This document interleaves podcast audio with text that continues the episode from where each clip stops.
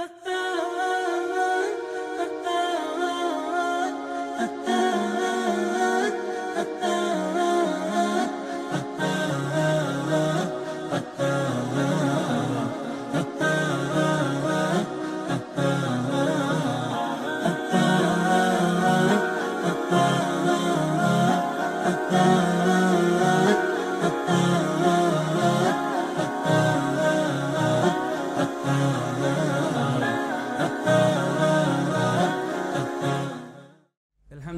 rabbil alemin, wassalatu wassalamu ala rasulillah.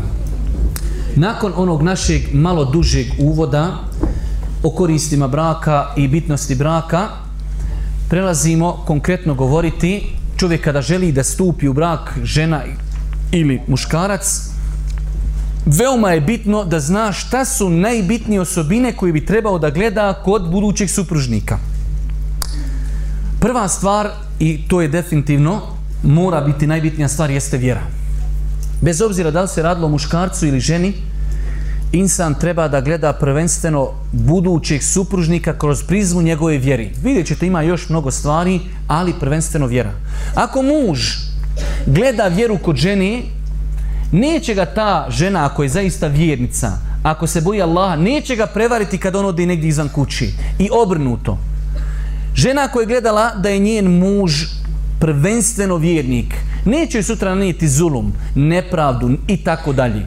Pa je prvenstveno znači najbitnija stvar vjera. Allahu poslanik alejhi kada govori komi porodici djevojke i njenim starateljima kaže kada vam dođe u prosidbu onaj sa čijom vjerom i ahlakom. Samo dvije stvari je spomenuo. Kada vam dođe u prosidbu onaj sa čijom vjerom i ahlakom ste zadovoljni, oženite ga. Ako kaže to ne uradite, nastaće veliki fesad na zemlji. Hadis je Pa je vidimo Boži poslanik savjetovao porodicu djevojke kada im neko dođe da prosi djevojku da gledaju kod njega vjeru i ahlak moral.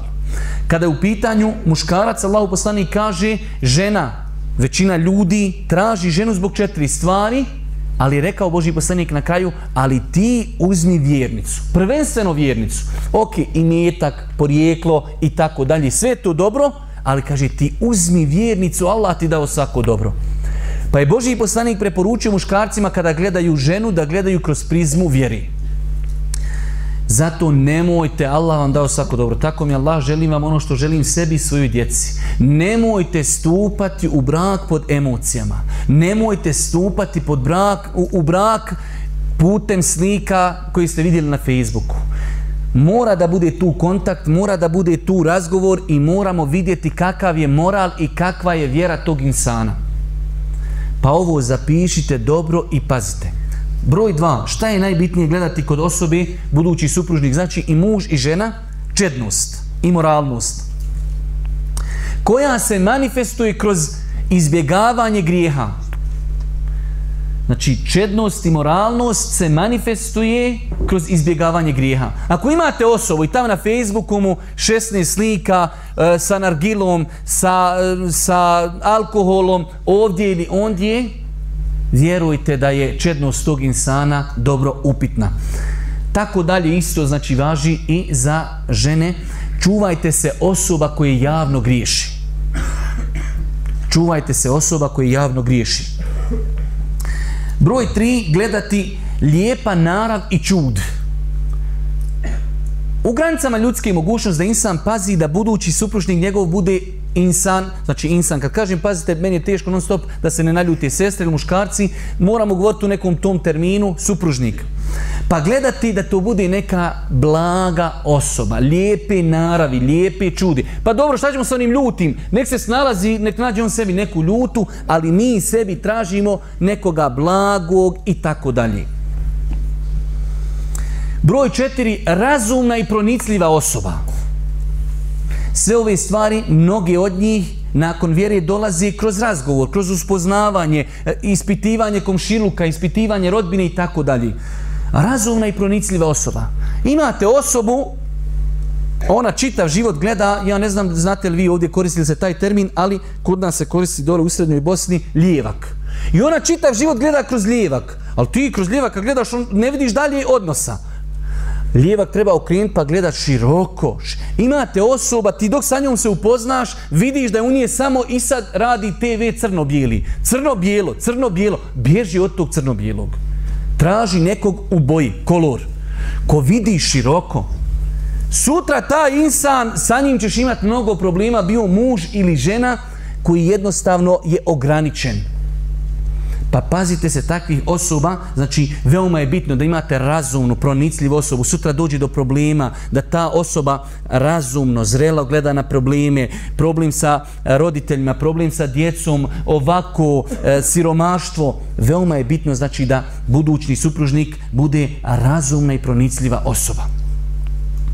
Isto tako od osobina koji treba maksimalno tražiti kod budućih supružnika jeste stid.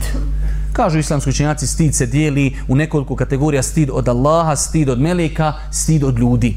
Pa kada vidite osobu da ima pri sebi taj istinski stid, Evo ovdje imate sad dva stida, imate onaj ono tu smo sjedimo i ma, kaže stidna sestra, stidan brat, znači istinski stid koji insana sprečava da čini znači grijehe prema Allahu i stid da insan uradi nešto nemoralno, Veoma je bitna stvar, Boži poslanik kaže stid ne dolazi ni sa čim osim sa hajrom.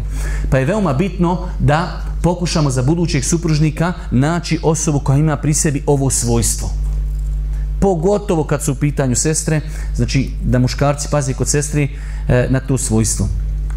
Isto tako, ponovo se vraćamo na ono staro pitanje, ljepota. Zapamte večeras, naš odnos prema supružniku može se gledati kroz tri stepenice ili tri dimenzije. Imam osobu vjernik, moralan, čedan, stidan, sve i lijep. Toga drži se i ne puštaj ga. Lijep, ali ljepota nije bila presudna. Imamo osobu, ispunila je mnoge naše kriterije, znači moralan, eh, moralan vjernik, stidan, čedan, sve, ali nakon, hm, nije ono da, da, da ti sad režiš vene za njim, ali nije ni da je odbojan. I sa tom osobom se može stupiti u brak. Imate treću kategoriju, bez obzira, vjernik, insan ili djevojka, e, čedan, moralan, sve, ali ti imaš odbojnost prema njemu. S tom osobom ne treba stupati u brak bez obzira. Znači jednostavno čovjek ako ima prema nekom odbojnost brat, prema sestri, džaba ona sve pokrivena, moralno sve, ali jednostavno dovoljno on sam da nju pogleda, on jednostavno, hajde da kažemo, odbojnost ima prema njoj. Možda će neko drugi nju kad vidi reći ovo je hurija, izišta sa iz dženeta. Ona treba da tog svog čeka, ali ne treba da se ovim stupi u brak. I obrnuto. Dođe brat prosit sestru i sve o njemu napričaju, moralan, lijepi, vjernik i klanja. Ona njega sam kad pogleda, kaže ne mogu zamisliti život sa njim. Ne treba s takvom osobom stupati u brak i to nije omalovažavanje te osobi. Jednostavno ljudi su, prirode ljudi se razlikuju. imate ljudi sad, ja da ovaj svoj džemper skinem i da kažem Šta misli o ovom džemperu? Pola bi se ali reklo, je to je zadnja moda. Pola bi reklo, šta onaj pezič nosi ja, rab, kako ga nije bilo sti danas biti u onom džemperu. To su jednostavno ljudske prirode. Nekome je nešto lijepo, nekome je nešto nije. Pa znači kada je u pitanju ljepota idemo po ova tri, znači hajde kažemo stepena, ako je insan ispunio osobe, ispunio one osobine i lijep, elhamdulillah. Ako je ispunio one prethodno spomenute osobine i hajde kažemo, nije lijep, ali i nemamo odbojnost prema njemu. Može se stupiti sa takvom osobom u brak i ona treća kategorija, ne treba s takvom osobom stupati u brak, Allah što najbolji zna. Nakon toga, ista je stvar sa porijeklom, u smislu ista stvar, ne smijemo to učiniti da to bude glavni faktor. To je čerka od Pezića, a, hala, završeno. Hala bola mora biti najveći šeta na planeti. A, to je čerka ministra, njen babo je direktor školi, njen babo je... Nema njen babo, znači pazite, njeno prezime kad ga izgovoriš na 18 slogova se izgovara. Halo, ostavi se prezimena. Gde da vidimo njenu vjeru i čednost i moralnost i te stvari. Ali, ispune se svi ovi kriteriji i kaže ona je taj ta, alhamdulillah, daj. Ista stvar je sa imetkom. Ne smije to biti presudno. Ljepota, imetak i porijeklo ne smiju biti presudne stvari.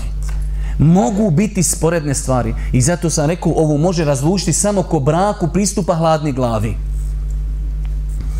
I za kraj, za kraj ovih osobina, jedna veoma bitna stvar, ja sam danas čak na jednoj stranci gdje ima nas nekoliko daja više, tražio prijevod ovog termina koji koriste mnogo učenjaci u fiku, nismo našli neku adekvatnu riječ, a to je kifaet, tako ga Arapi zovu, da insan kada se ženi ili osoba kada se udaje, da traži nekog koju je srodan, koju je sličan, neka, zato ću vam tu ako Bog da i pojasni šta se misli pod tim pojmom. Od prija su učenjaci u knjigama fikha, pa čak možda hanefijski mezer je jedan od najžešćih u tom pitanju, što mi neko vamo nešto non stop onaj struže kad bi moglo bez tog struganja. Znači, oni su govorili čak zanati, pa kažu zanat taj i taj ne bi trebao da se ženi satom i satom. Pazite, ovo nije uvjet za brak. Ali, evo uzmite primjera radi, djevojka, ja sam to onako nekad navodio u nekim malo, hajde kažemo, eh, ambijentu da se malo nasmijemo, ali je zaista tako. Djevojka završila medicinu. I došla je ona preko sad tog Facebooka, moraš stupiti u kontakt s kim hoćeš. Neki brat, čitav život je, on bavi se čuvanjem ovaca. I njih dvoje, Jesse Mujo, evo me hasne, gore dole, bili u brak, bi. Njih dvoje su na različitim talasnim dužinama. On njoj kad joj hoće nešto tepa kaže lijepa moja ovca. O, ona nosa bijeli mantilj, ona odmah poludi. Evo kaj nemoj, nisi ovca, sad si koza. Jo, rab. A ona opet njega, ona bi sam na njim trenirala davanje nekcija, sam da nekog bode, sam bi mu gurala tablete, obuci čarape, evo ti tableta, evo ti paurina, on čitav život jede samo sir, njemu tablete ne trebaju. Ali ona, idi na sve inekcije, nisam dobio onu odrođenu, idemo, samo ga buši. Oni razgovaraju istim, nisu istim talasnim dužinama. Pa znači insan da pokuša tu će mu mnogo u životu olakšati život. Imate, može se desiti, za vrijeme Božeg poslanika se desavaju stvari. Insan ugledan, ugledan, ajde da kažemo drugi supružnik, neugledan. Pa u životu dođu ti problemi. Ba šta ti, tvoja familija, svi ste vi ovakvi, svi ste vi onaki i tako. Pa znači da čovjek, kada je u pitanju naobrazba, kada je u pitanju porijeklo, kada je u pitanju izgled, da pokuša naći nekoga koji je sličan, blizu i tako dalje, znači njemu. Ovdje ću vam navesti jedan primjer, možda se neki neće sa mnom složiti, neki hoće, ali nije bitno da se svi složimo. Jedna od stvari koju ja mislim u današnje vrijeme da se odnosi na ovu jeste udaja žena, a može isto se koristi i za ženbu, iako još to slabo fercera, bosanka, bošnjakinja se uda za čovjeka Arapa. Pazite, ovo je veoma bitno da shvatimo da ne govorimo o vjeri. Meni je nedavno došao jedan brat i jedna sestra. Oni se voli, ona njega voli, on nju voli, ali ne mogu živjeti. Ne mogu, jednostavno, to vam je isto kad imate iPhone i Samsung. Ovaj radi na Androidu, ovaj ne radi. Različiti jednostavno mozgovi. Ja kažem tom čovjeku, vidim veliki problem, a voli se. Rekao, ah i rekao, evo jednu stvar, rekao, ja vidiš mene, rekao, oni njemu rekli, idi Pezića, pitaj taj, to ti je halo, nema dalje. Vidiš, ko ja, taj veliki pezić. Ja, reko, kad ne bi svoju ženu 24 sata izveo iz kući da prošeta, reko, ja bi noćio pred vratima. E, reko, paša, tu su ti bosanke. Koliko ti puta godišnje svojih žvedeš? Pa jednom, dva put. E, zato ne možete, reko, živit. Tvoj mentalni sklop i njen mentalni sklop su različiti. Ne govorimo mi o vjeri uopšte. Mi govorimo o podnjeblju. Pa je znači veoma bitno da insan pazi čak i to podneblje. Kada se udaje da žena ili muž, čovjek se ženi, da to ne bude podneblje koje ima različite običaje. Znači, volio bi samo da ste ovo inšala ispravno satili ovo uopšte ne govorimo, Arapi veći muslimani, bosanci veći muslimani, nikako. Govorimo samo s aspekta da jednostavno, znači, ljudi se mentalno razviju, imaju svoje običaje, mi imamo svoje običaje. Pa insan to ako želi da uspije u braku, treba da na to pazi. Nije uvjet ispravnosti braka. Može čovjek da oženi ženu Arapkinju ili Bosanka sestra, da se uda za čovjek Arab, da živi najsretnije. Može. Ali vjerujte koliko ja znam slučajeva da je suprotno tome. A ja smatram da je jedan jedini razlog ovo. Da se nisu stvari u početku, znači da se nisu ovom pitanju posvjetilo dovoljno pažnije. Nakon toga počinjemo, nakon što smo vidjeli šta su najbitnija svojstva koja bi trebala da krasi budućeg supružnika, počinjemo sa prosidbom. Insan musliman i žena muslimanka, prva stvar, prvo bi trebali da poznaju ko su osobe s kime smije stupiti u brak. Ja znam da će neko reći, pa zar to bitno? Jest bitno. Božji poslanik, za vrijeme Božjih poslanika, najbolja generacija, dolazi žena, hadisu, Buhari i muslimu, i traži od jednog čovjeka sadaku. Pa on nije imao i ona da bi njemu se, hajde kažemo, djelimično ono pokazala, kaže, bolan, ja sam i tebe i tvoju ženu zadojila. Ono, u smislu, daj mi nešto, ja sam tvoja majka po mlijeku. Ako si zadojila mene i moju ženu, pa mi smo brat i sestra po mlijeku i živimo u braku, ima i nekoliko djeci. Ono što božem poslanik Allah poslaniče kaže, ova žena, prosjakinja, Kaže, tvrdi da je zadojila mene i moju ženu. Mi smo brat i sestra, živimo u braku, imamo djecu. Kada se Boži poslanik okrenuo na jednu stranu, pa na drugu, čovjek morao razvesti ženu, živio sa svojom sestrom po mlijeku u braku. Pa je veoma bitno da čovjek znači pazi koga smije prosit, koga ne smije, komu je halal, komu je haram. Isto tako, čovjek treba, vjernik i vjernica, da znaju šta se u pitanju prosidbe propise Islamski učenjaci, ne, učenjaci nema knjige fikha da nema tamo poglavlje babul hitbe, prosidba na islamski način. O tome islamski učenjaci pišu mnogo, mi ćemo spriniti samo nekoliko stvari. Prva stvar, jest to malo staromodno pitanje, ali da vam kažem jednu stvar. Šta je najbolji i najstandardniji i najklasičniji način prosidbi? da čovjek čuje da tamo negdje ima neka sestra na udaju, odi na kod njenog oca i kaže selam alik, alik selam, kako si, ja sam ujo, ti si haso, ja sam čuo da vi imate čirku za udaju, ja sam ozbiljan insan, želio da se sa njom upoznam. Pa da sjedni sa njom u prisustvu njenog mahrema, oca, majke ili sestri i da sa njom razgovara. Ja znam da je to za neke staromodno bez Facebooka, kako, Whatsapp, Viber i ostalo, ali je ovo najstandardniji, najklasičniji i najbolji način sa najviše beričeta, jer u njemu nema ništa sporno. Čovjek koji je ozbiljan, njemu uopšte nije teško razgovarati sa djevojkom, njen otac sluša. Zašto? Zato što on ozbiljan.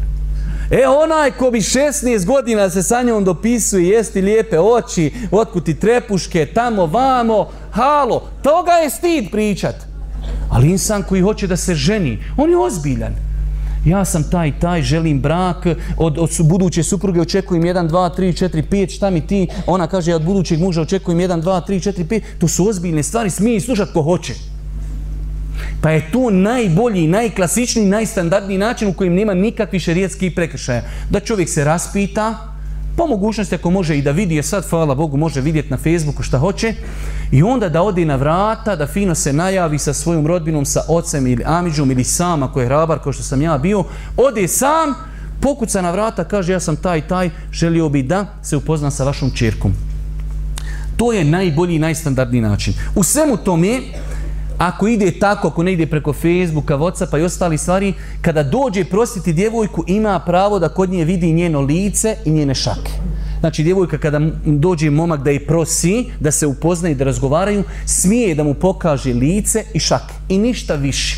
Makar on insistirao da kaže, pa ja volio da vidim kakva ti je kosao, ne. Znači, ima pravo da vidi lice i šake ne bi da vam sad govorim zašto šta, ali lice da vidi kako je lijepa šake, na osnovu šaka, kažu islamski činjaci, može vidjeti kako je njeno tijelo. Tako ako su i mršave ruke, znači sva je mršava, ako su i ruke ko ljepčići debeli, sva je debela i to je to.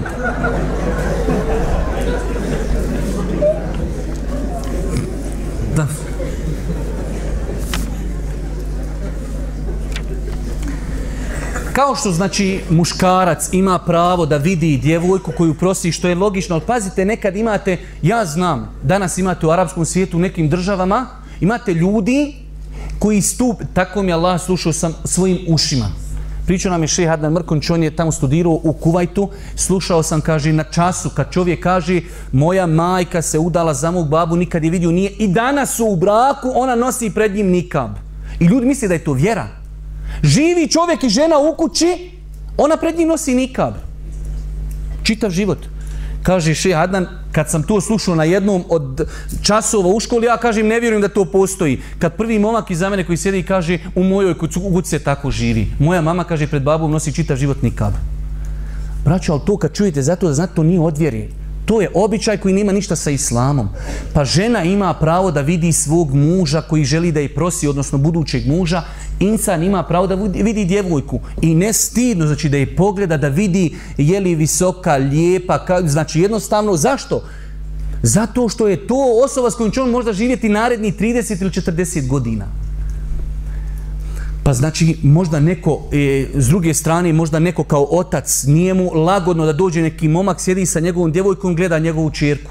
Ali kažu islamski učenjaci, mnogo je manji problem da on dođe, da porazgovara sa tom djevojkom i vidi je, pa kaže neću je, ne odgovaramo, nego da je oženi, nije vidio pa da je sutra razvede. Pa znači, e, dozvoljeno je i muškarcu i ženi da znači vide budućeg supružnika, svakako žena znači smije, e, kao što muž ima pravo da vidi ženi lice i šake, žena ima pravo da vidi kod muškarca znači sve što se, hajde kažemo, u nekim normalnim situacijama od tijela otkriva. Isto tako, imate ovdje jedan moment koji je djelimično savremenog karaktera, to je kontakt sa e, budućim supružnikom putem telefona. Kažu islamski učenjaci da se to treba svoditi na minimum na minimum. Ali u nekim situacijama koje primjer radi djevojka iz Zenice, a brat iz Sarajeva, pa ne mogu jednostavno neke stvari da non stop dolazi on, neke stvari putem telefona da razgovaraju konstruktivno. Bez emocija, bez volim te, bez jedva čekam prvu bračnu noć, bez ovog, ne. Već razgovaramo šta ti od mene želiš u braku, šta ja od tebe želim u braku. Te stvari, znači konstruktivno, ako se razgovaraju preko telefona u potrebi, inšala nije sporno, a i to je bolje izbjegavati. Isto, velik broj ljudi kada već dođe do tog nekog kontakta, jednostavno izgubi osjećaj da ta djevojka je njemu haram i obrnuto. Pa ljudi kaj pa prosio sam je kao ono ta neka takozvana kod nas zaruka i onda možemo mi ići u kino, idemo u čaršu idemo na sladoled, idemo na teferić, idemo na koride. Halo, ta žena je tebi haram u svakom pogledu, osim što ti je šerija dopustio da je vidiš i da sa njom razgovaraš. Ništa viši. Velik broj ljudi, pa eto, znaš, mi smo se zaručili, ona nosi prsten dok je tog prstena ljubav traje, teče gore dole. To su sve, znači, neispravne stvari. Čovjek sa... Meni čovjek jednom postoji pitan, čak ima negdje na internetu. Kaže, ja sam prosio jednu djevojku, pazi, čovjek musliman. Smijemo li mi, kaže, imati sad intimni kontakt? Halo, reku, pa je li šta više ostalo nakon toga? Pa znači čovjeku nije dozvoljeno da se sa tom ženom osamljuje, nema nikakvog hodanja po čarši, nikakvih sladoleda, nikak, znači može doći njenoj kući, da se sa njom upozna, može sa njom razgovarati, to je ono što mu je Islam dopustio. Isto tako, od jedno od interesantnih pitanja jeste da mnogo problema nastaje kad se ovo ne poznaje. Vjerujte, dođe do kontakta, pa vjer, znam slučajeva, dođe do dodira, dođe do poljubca, dođe i poslije, e sad više nismo jedno za drugog. I tako dalje. Pa znači, zato sam rekao, najbolja, najstandardnija, najklasičnija je ona metoda pod navnim znacima starinska. Isto tako, Ako bi, pazite, sad smo rekli, čovjek dolazi i kaže, ja sam čuo da kod vas ima djevojka koja se hoće udati, da je, e, da je ozbiljna i tako dalje. Oni njega ne poznaju. Imaju potrebu da se upoznaju sa njim. Kako? Da će nekog zvati, pitati. Čovjek došao, pazite, iz Zence prosi tvoju čirku. Prvi put ga vidiš. Ti moraš nazvati nekoga u Zenci i kazati, dobro, došao nam je taj, taj, prosi našu čirku. Znate li ga? Pa je dozvoljeno u šerijetu, čak kažu islamski učenjaci, vađi bi obaveza da se o njemu kažu i njegove negativnosti. Kod nas dole u Srednjoj Bosni, opet se vraćam, kod nas kaže skudio ga neko, kao rekao njegove negativnosti. Paša sam sebe skudio, budi dobar, ne može niko o tebi loše pričat.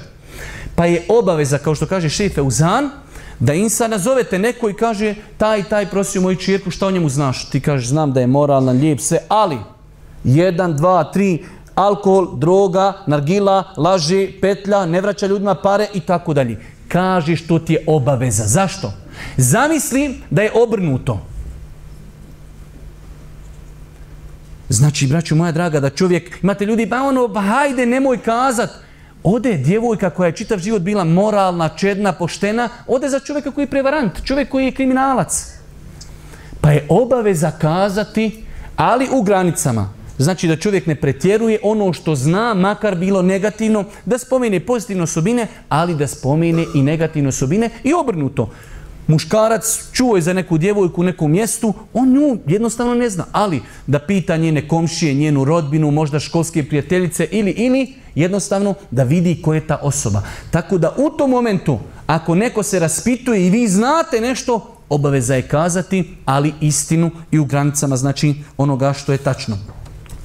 Isto tako jedno od pitanja kod nas, nažalost, daleko zapostavljeno, ali eto, kao što je u islamu dopušteno da muž, muškarac prosi ženu, isto je dozvoljeno da žena bude prosac muškarcu. Znam ja sad ovi mlađa rajene ožena, oni sam maštaju sad da hoće kakva njega zaprositi. Nema od toga ništa, ali da znate da je propis da je to dozvoljeno. Od prijašnjih vremena, od Musa, alaih wasalam, Musa, alaih kao što znate u onom događaju poznatom, Šuajb alaihi salatu wasalamu kaže, po mišljenju mu fesira da je to bio Šuajb, kaže ja želim da te oženim sa jednom od moje dvije čirke. Pa to nije sramota. Nažalost, kod nas nije sramota da čirka da svaku noć ode u diskoteku, da je čovjek vodi gdje hoće, da sa njom radi šta hoće, ali da njen otac pomisli da on kaže nekom lijepom moralnom momku. Pazite, muškarac prije radi klanja u jednoj džamiji. I vidi lijepog momka, moralan, čestit, lijep, kulturan, prati ga mjesec, dva, tri. Šta je problem da taj otac kaže tom momku, pazi, ja vidim da si moralan, lijepo, čuo sam da si na žendbu, ja imam čirku, zašto ne dođeš da se upoznate? Pa ako budete jedni za drugo, ne budete nikom ništa. Kod nas je to najveća sramota na planeti. Ali nije sramota da čerka ide u diskoteku, da ovo, da ono, to nije sramota. Pa treba lagano razbijati ta neispravna ubjeđenja, nema nikakve smetnje, pa za vrijeme Božih poslanika, ali se selam u više vjerodostojnih hadisa stoje, znači, predaje da su roditelji e, svoje kćerke, znači da su one bili prosci muškarcima. Ali pazite, da neko ne svati, u islamu se prodaju žene. Ne, Otac je samo inicijator. On je taj koji vidi u tog nekog momka koji je ozbiljan, lijep, pa mu ponudi da se upoznaju. Ne kaže dođi, vodi čerku moju. Ne. U islamu vidjet ćete poslije ima žena pravo da rekne hoću ili ne i otac. Ako nemaju ove dvije saglasnosti, nema braka. Mora da otac pristane i mora da djevojka pristane. Isto tako od ovih pitanja koja se vezuju za za prosidbu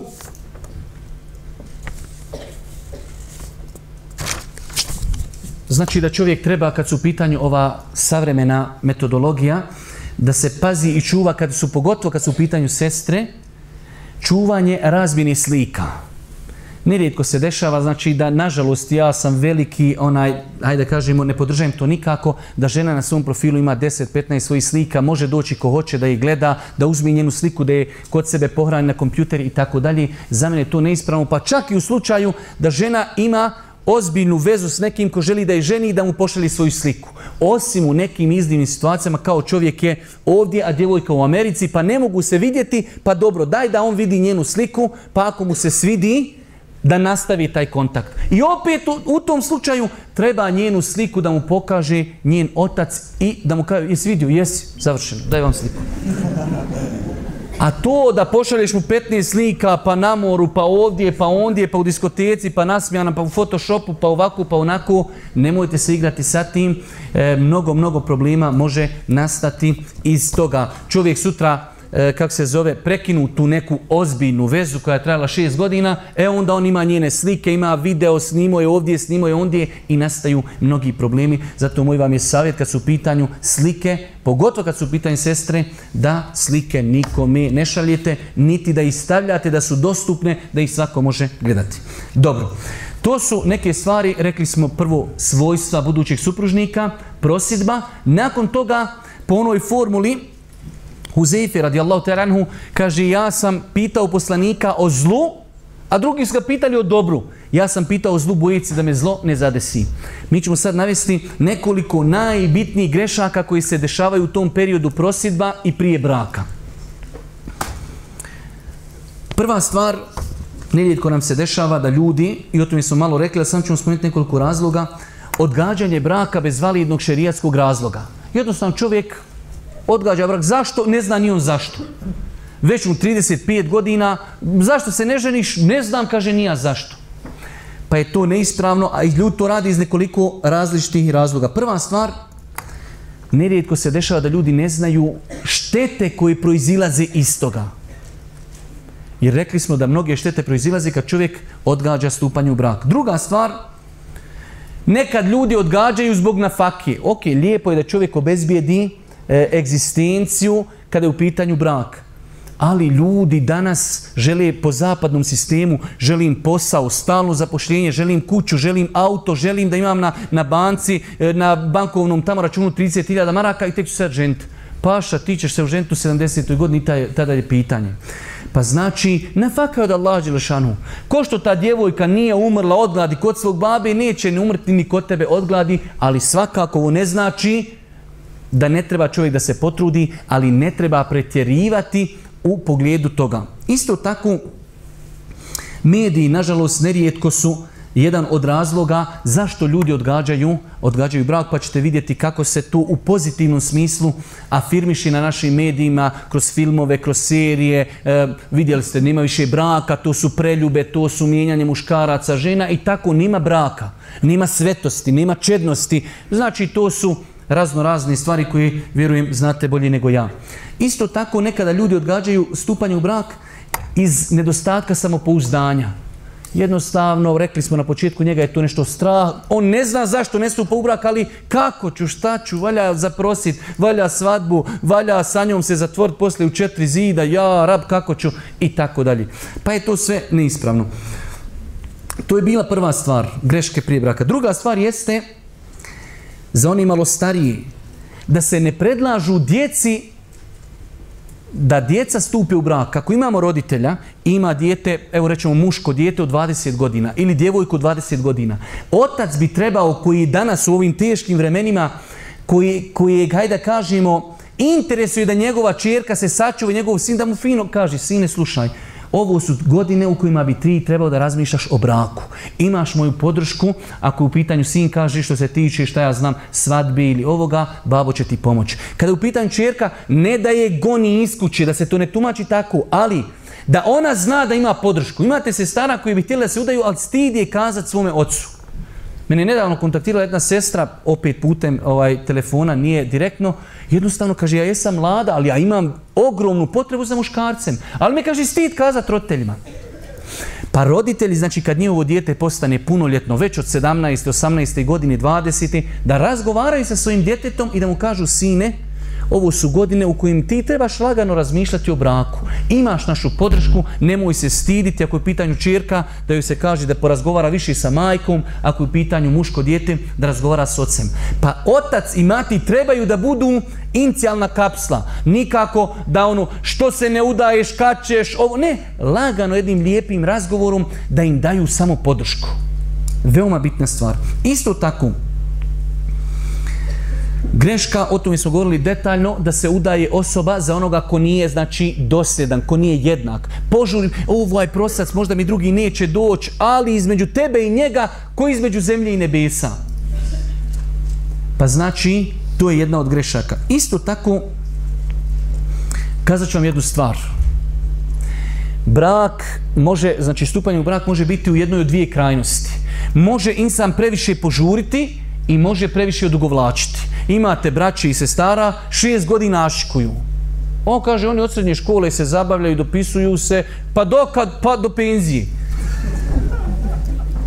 On zna u nje zube, koliko ima pokvareni, koliko blombi ima, sve živo, koliko je dioptrija na očima, sve živo.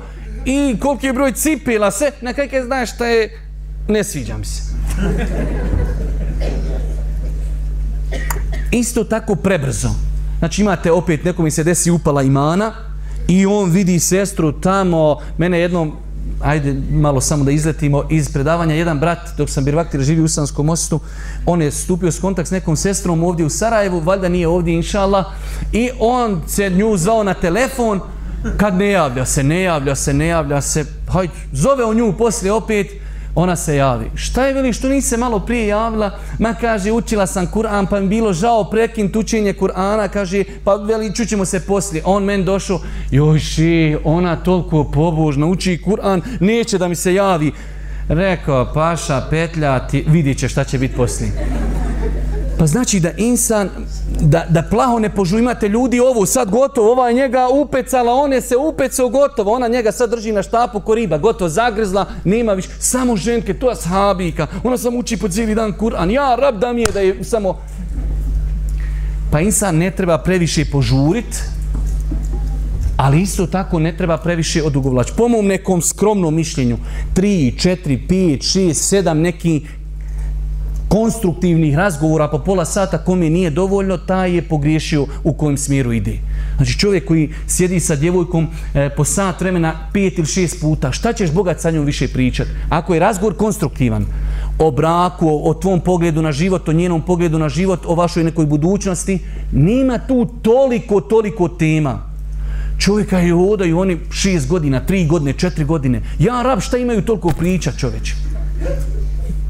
Pa znači ne treba previše požurit, ugledo je tamo na Facebooku, oborila pogled, iz nje izbija nur, nekaj vodim, idem kući, ne znam uopće šta je. Greška, a greška je i ovo drugo. Isto tako, e,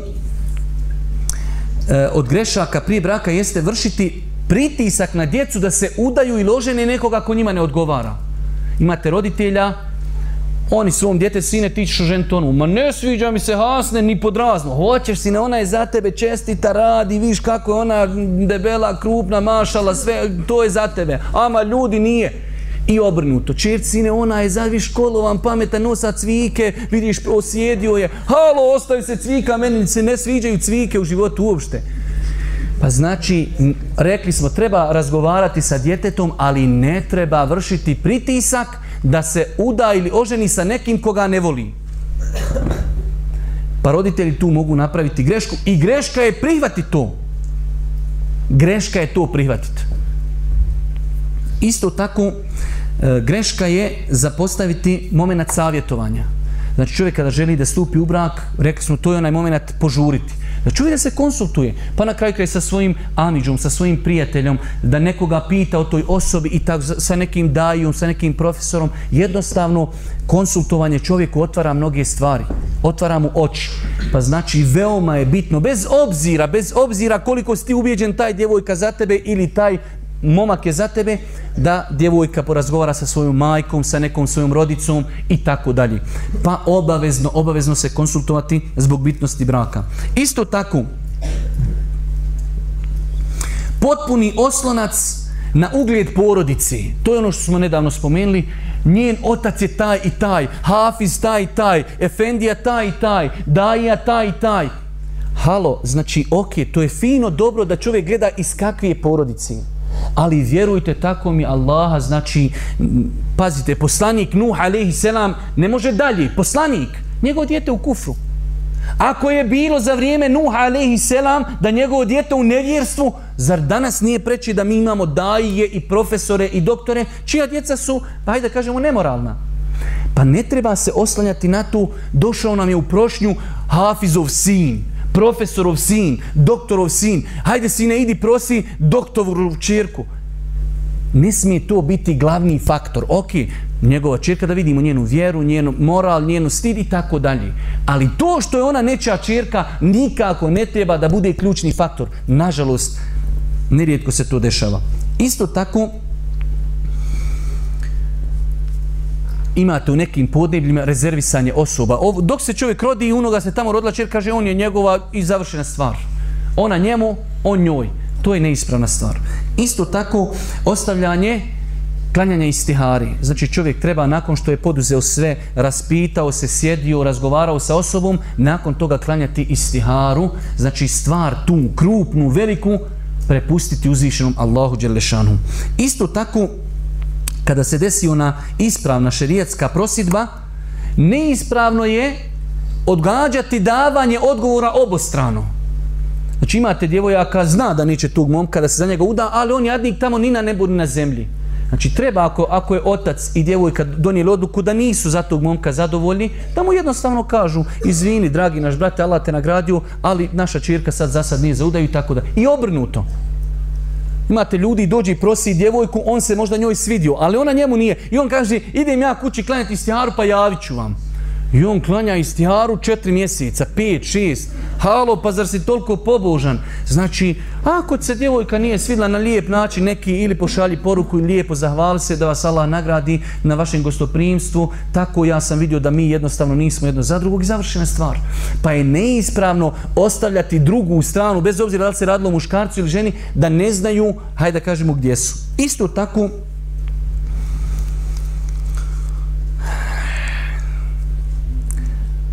odbijanje prosca ili odbijanje djevojke zbog nekih sitnica. O tome ćemo poslije govoriti, pazite, nema savršenstva.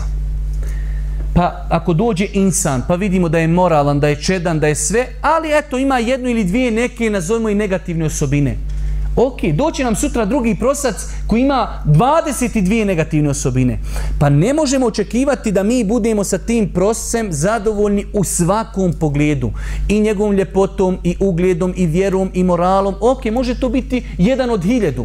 Ali moramo biti spremni, tako isto djevojka. Sutra ćeš možda doći ona, možda vjernica, čedna, moralna, sve, ali jednostavno možda ima nešto, e, nosi naočale. Bože moj, vodi nek popravi to tamo laserom i neće više nositi naočale. Znači imaju neke stvari koje trebamo progutati, jer jednostavno nema savršenstva.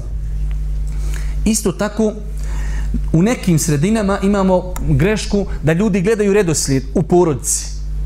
Hasne 34 godine, a Fatima 25. Fatima mlada, ona bi se udala sad, ali ne mere dok se Hasne ne uda. Hasne ide u školu, fakultet, ganja, ošla, neđe tamo, studira, ma ona zaboravila na mušku rasu 100%. Halo, nek se ova uda, nema nikakve smetnje i obrnuto. Si neki u 35 godina, on živi zapadni život, ne razmišlja o ženitbi, ovaj neki mlađi se upali, on bi se ženio, ne, ne, dok ona je gore, stari se noženi, ti umri. To je neispravno. Ovoga treba votna. na preglede starijeg da vidi se sa njim šta je. Ovaj mlađi normalno razmišlja. Pa znači ne treba to i imate takav problem u nekim podnebljima.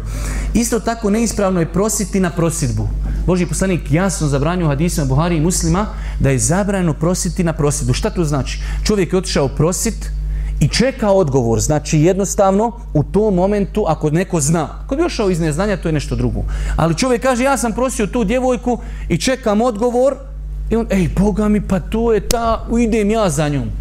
Halo paša okasnio si čekaj, ako ne bude ništa onda ti prosi. Pa znači pazite koliko je islam savršen. Zato što će između ove dvojice ljudi doći do neprijateljstva. Pa je Islam pokušao da svaku vrstu neprijateljstva isključi u jednom društvu do te mjere da čovjek ne treba da prosi djevojku koja je već isprošena. Dok ona ne dadne odgovor da ili ne. Isto tako, nerijetko se dešava da žena koja je bila udata ne poštuje pravilo i princip ideta pričeka. Pa žena bila udata, čovjek je danas razveo, sutra već traži drugog momka i hoće da se uda. Znači, shodno opet vrstama žena u smislu da li je muž preselio, da li je razvedena, da li je trudna, da li nije. Znači, ima nešto što se u islamu zove priček, idet, i žena mora da zna te propise i znači da to poštuje. Isto jedna od grešaka jeste paziti se zabranjenih vrsta braka nema kod nas mnogo, jedna od tih vrsta jeste da čovjek se pazi e, braka koji je vremenski ograničen, koji praktikuju šije, znači oni praktikuju brak koji je vremenski ograničen. Taj brak je u jednom dijelu u periodu islama bio dozvoljen pa je derogiran i zabranjen do sudnjeg dana.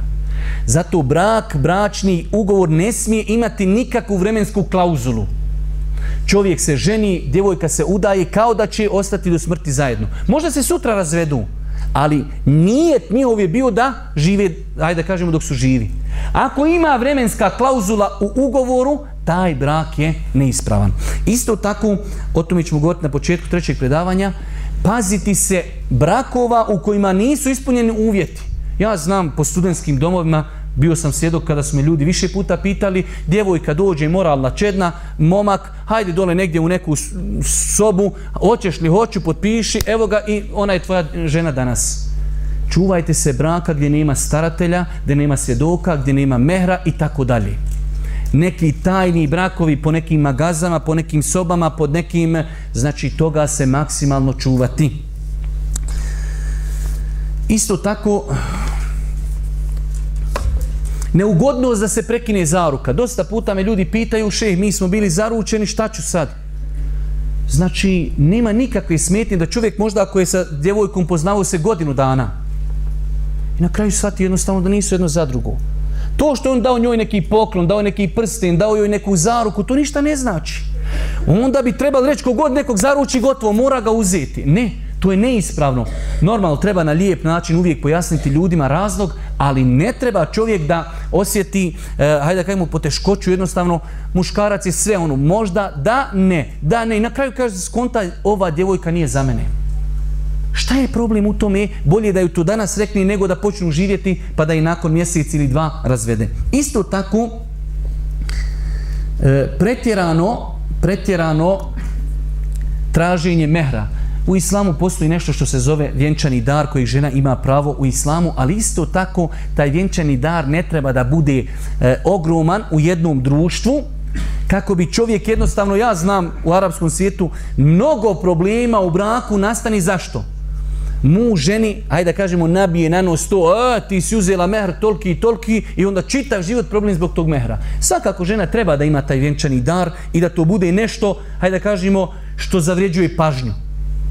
Ali to je u današnjem vremenu, po mom nekom skromnom mišljenju, 500 km, 1000 km, 2000, ali da dođe žena i kaže hoću 50.000 maraka, to je u bosanskom nekom podneblju za normalne uvjete možda previše, osim da dođe neki milionir, milijardir, onda treba od njega uzeti više para. Isto tako, velike pripreme za brak, prekomjerne, treba se, preko pripremiti, ali Čovjek ne želi da stupi u brak, nemam novo auto, nemam doprinjen stan, nemam ovo, nemam stalno zapošljenje i mnoge te stvari čovjeka e, vremenom. Pazite, insan koji ne stupi u brak u nekom periodu, po mom skromnom mišljenju, ovo nisu nikakve statistike, od, 20, od 18. godine do 26. 27. Njemu je svaki drugi dan godina dana. On kad napuni 33 godine, on kod buduće supruge gleda koliki, koliki je broj cipela. Sve kaže, dobro, ali cipele su malo velike, neću. Zato što on gotovo. Dok on kad je mlad, njemu je sam bitno, jel kaže ima dvije noge, jest, ili žensko ime i završaj na slovo A, jest, dolazi. Ali on kad ostari, kakvi su ti zubi, kolike su ti oči, kakva ti je dioptrija, e, koju si školu završila, Halo, ne možeš ispuniti njegove uvjete, hurija da iziđe dženetom bi rekao, fali joj nešto. Pa znači, čovjek treba da pazi neka te pripreme, pripreme, pripreme, pripreme, on izgubi osjećaj da je on otupio više gotovo njemu, on ima uvjeta, nemoguće ih ispuniti. Isto tako, od grešaka, o njima ću možda malo poslije još govoriti, miješanje, miješanje roditelja, samo da vidim, evo ga. Miješanje roditelja u poročne probleme, o tome ćemo govoriti poslije. I za kraj, jedna veoma bitna stvar, ne trebaju mladenci da se stide, da se u startu odijeli od svojih roditelja. Mnogo problema, naročito kada su u pitanju osobe koji praktikuju vjeru, a njihovi roditelji ne praktikuju, nastaje iz toga što žive u zajednici. Pazite, imaju vanredne situacije kada čovjek treba da živi sa svojim roditeljima, roditelji stari, bolesni, iznemogli, ok. Ali u nekim normalnim uvjetima najbolja situacija, ja to savjetujem svima, jeste da djevojka i njen muž počnu da žive odvojenim životom. To ne isključuje da svaki dan dođu kod njegove majke, da odu njenim, da ih posjeti, ali da imaju svoj stan, da žive odvojeno. I to nije nepokornost roditeljima. Vjerujte, ovo pitanje možda malo u početku bude teško, ali ćete riješiti mnoge probleme, naročito vjerskog karaktera. Sjediš sa svojima, a zašto nemate televiziju, zašto ne slušate muziku, vi ganjate uvijek neko halal meso, nema ga niđe na planeti, zašto vam muškarci i žene sjede odvojeno, što nema duhana, zašto ovo, zašto ono. I ti čitav život si u borbi da njima dokaje, ne možeš ništa dokazati. Zato moj savjet vam je, znači pokušajte maksimalno sebi obezbijeti, makar to bila garsonjera, jednostavan stan, znači ako ikako možete i nemoj da vas neko ubijedi da je to nepokornost roditeljima.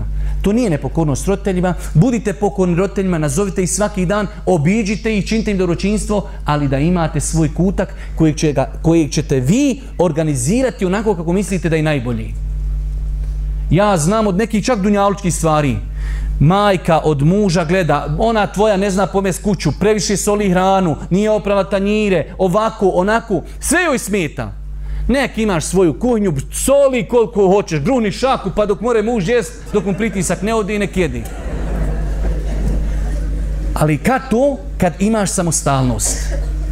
Počevši znači od vjerskih stvari, zaista znam probleme, dolaze gosti, neće da se razdvoje muškarci i žene, muzika, filmovi, e, halal izrana, mnoge stvari. Vi se kaj non stop kupate, bojler mi uključen non stop, čovječe struje mi došlo 360 mara, pa moram se kupati, Allah te uputio.